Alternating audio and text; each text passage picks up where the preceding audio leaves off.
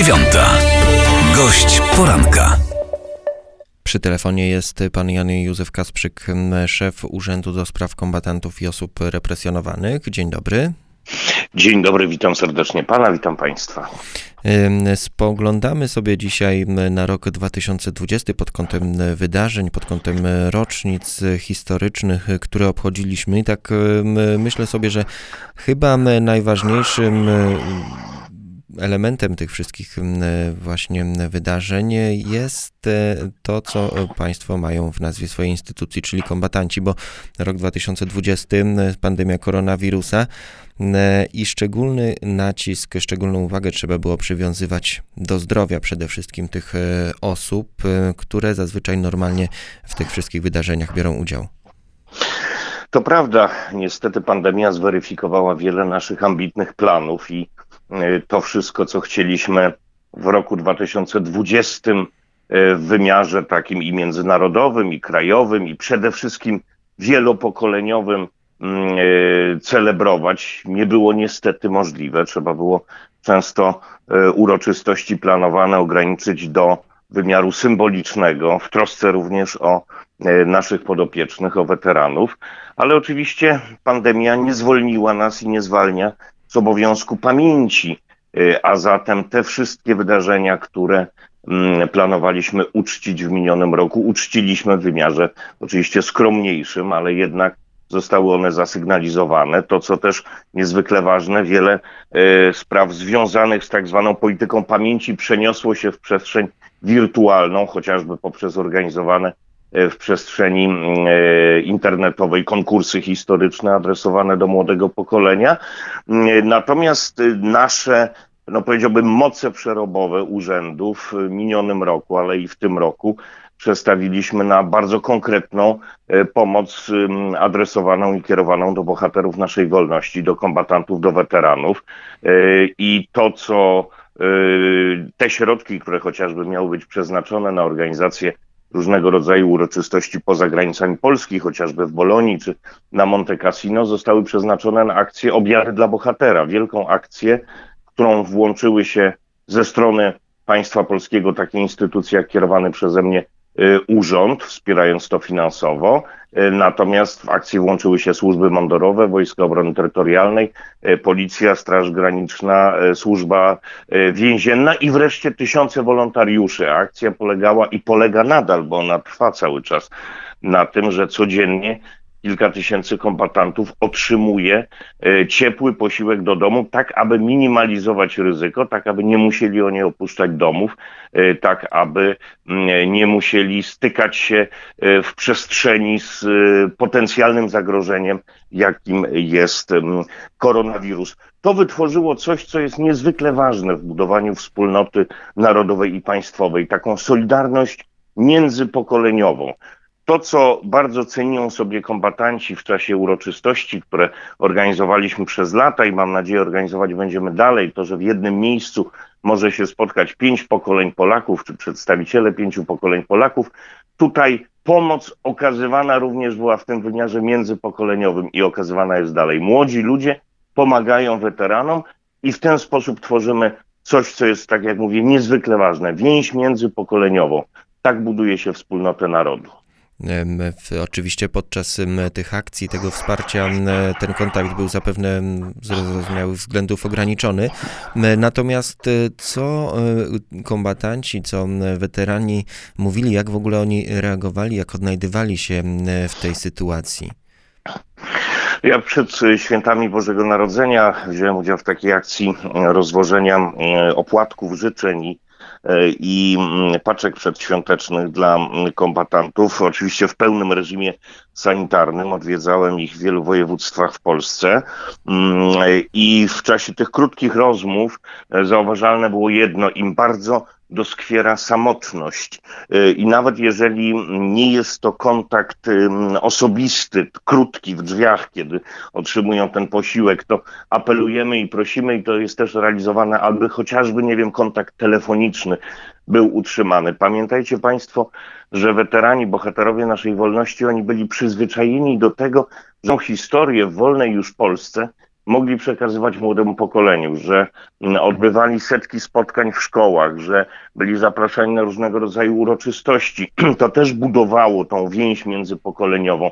Tego niestety zostali pozbawieni z wiadomych powodów, z uwagi na trwającą pandemię.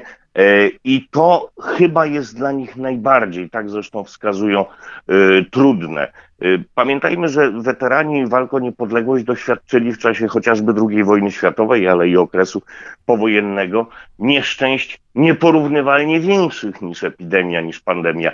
A mimo to mówią, że bardzo im jest ciężko przeżyć i przeżywać samotność, więc każdy gest solidarności, każdy gest wsparcia, Chociażby wspomnę tu o wspaniałej akcji Serce za odwagę. To są kartki przedświąteczne, świąteczne, które wykonywały dzieci w całej Polsce, dzieci w wieku przedszkolnym i szkolnym, i które dostarczaliśmy mm, wspólnie z wolontariuszami do e, kombatantów, sprawiają im ogromną radość, bo oni widzą, że ktoś o nich pamięta, że pamięta o nich państwo polskie, że pamiętają wolontariusze, że e, pandemia minie, a my z kolei czerpiemy od nich Mm, taką nadzieję, która e, była udziałem zawsze ich życia, że po chwilach trudnych, złych przyjdzie zwycięstwo, że przyjdzie radość.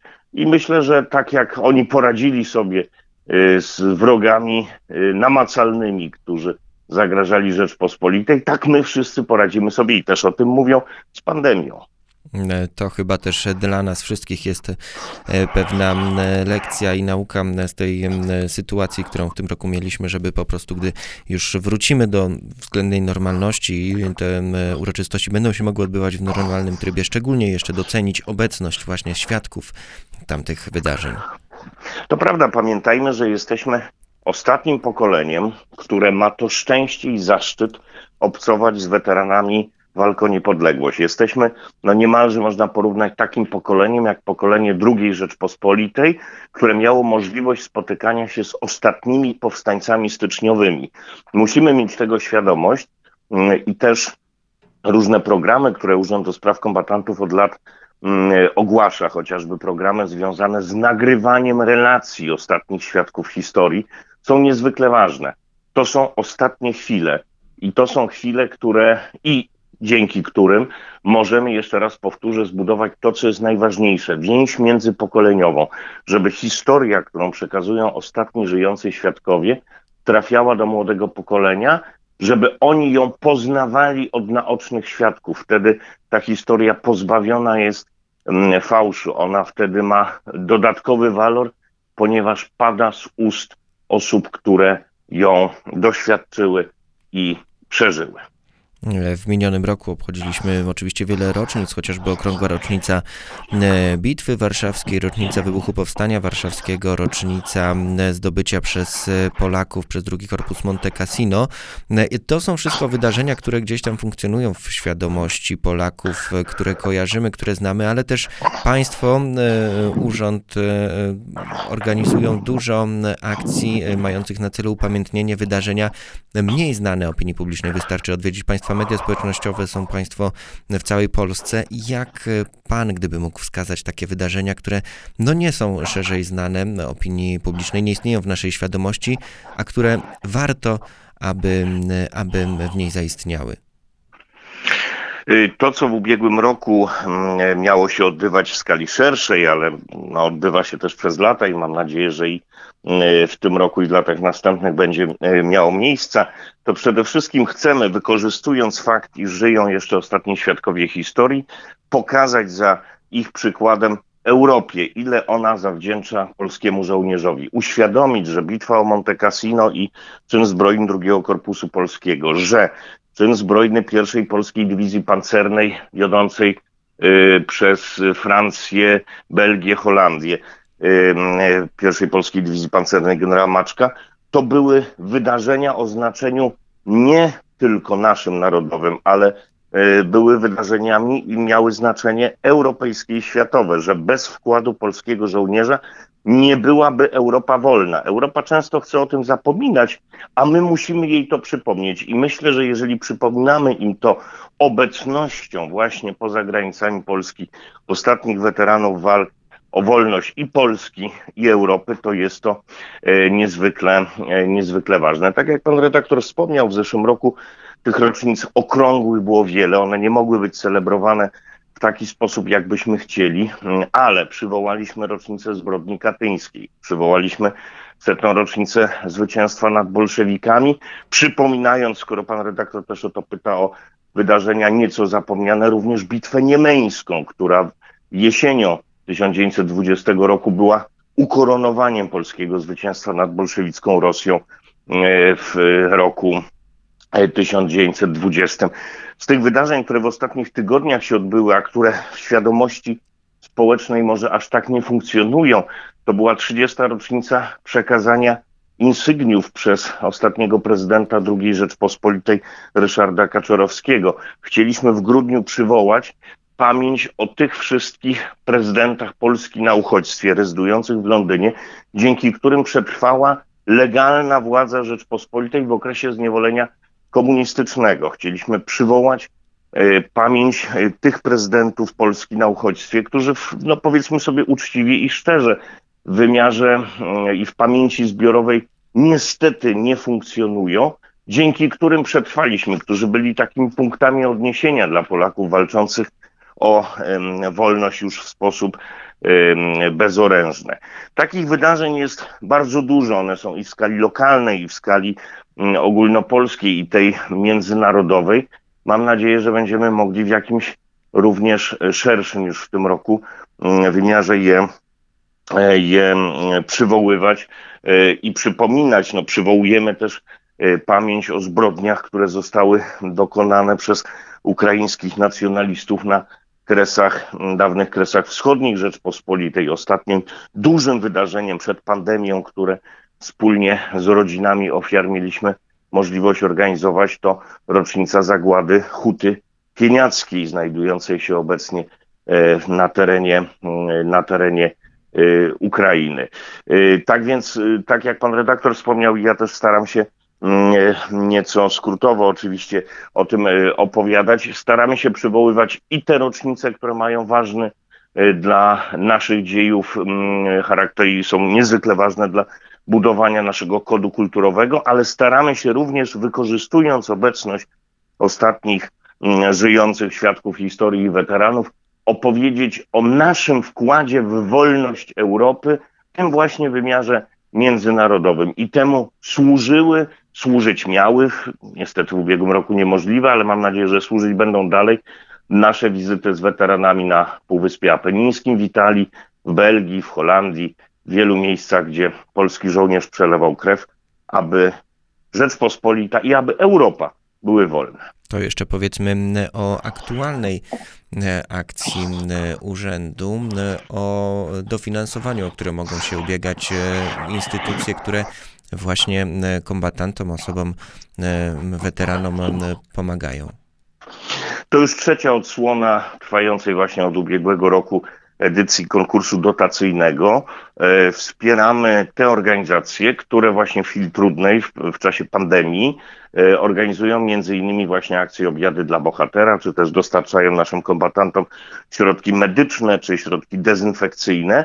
Mm, konkurs ogłoszony w grudniu, tak jak wspomniałem, trzecia odsłona o wartości miliona złotych. Można się ubiegać o te środki. Szczegóły są na naszej stronie internetowej stronie kombatanci.gov.pl.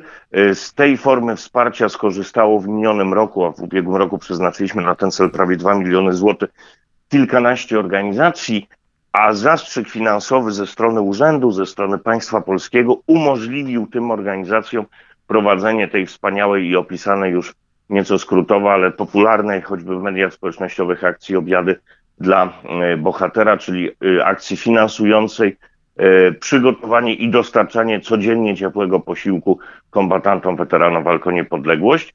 Ta edycja, konkurs, który ogłosiliśmy, nabór do, e, do niego trwa do 17 e, stycznia, zatem zachęcam wszystkich, którzy już z tej formy wsparcia skorzystali albo będą się o nią ubiegać do odwiedzenia naszej strony internetowej.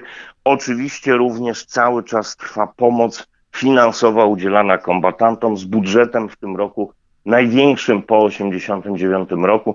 Każdy kombatant, każdy działacz opozycji antykomunistycznej, każda osoba represjonowana, która jest w trudnej sytuacji, która wystąpi do urzędu z prośbą o też konkretną pomoc jednorazową czy okresową, mm, zostanie mm, przez nas y, odpowiednio obsłużona i ta pomoc zostanie jej zapewniona. Życzymy w takim razie panu, Urzędowi do Spraw Kombatantów i Osób Represjonowanych, no i właśnie przede wszystkim e, tym e, świadkom tamtych wydarzeń, żeby w tym nadchodzącym roku tą pamięć po prostu o tamtych e, wydarzeniach ważnych dla nas można było swobodnie przekazywać kolejnym pokoleniom. Jan Józef Kasprzyk, szef Urzędu do Spraw Kombatantów Osób Represjonowanych, był gościem poranka 7-9. Dziękuję bardzo, kłaniam się. Siódma, dziewiąta. Gość poranka.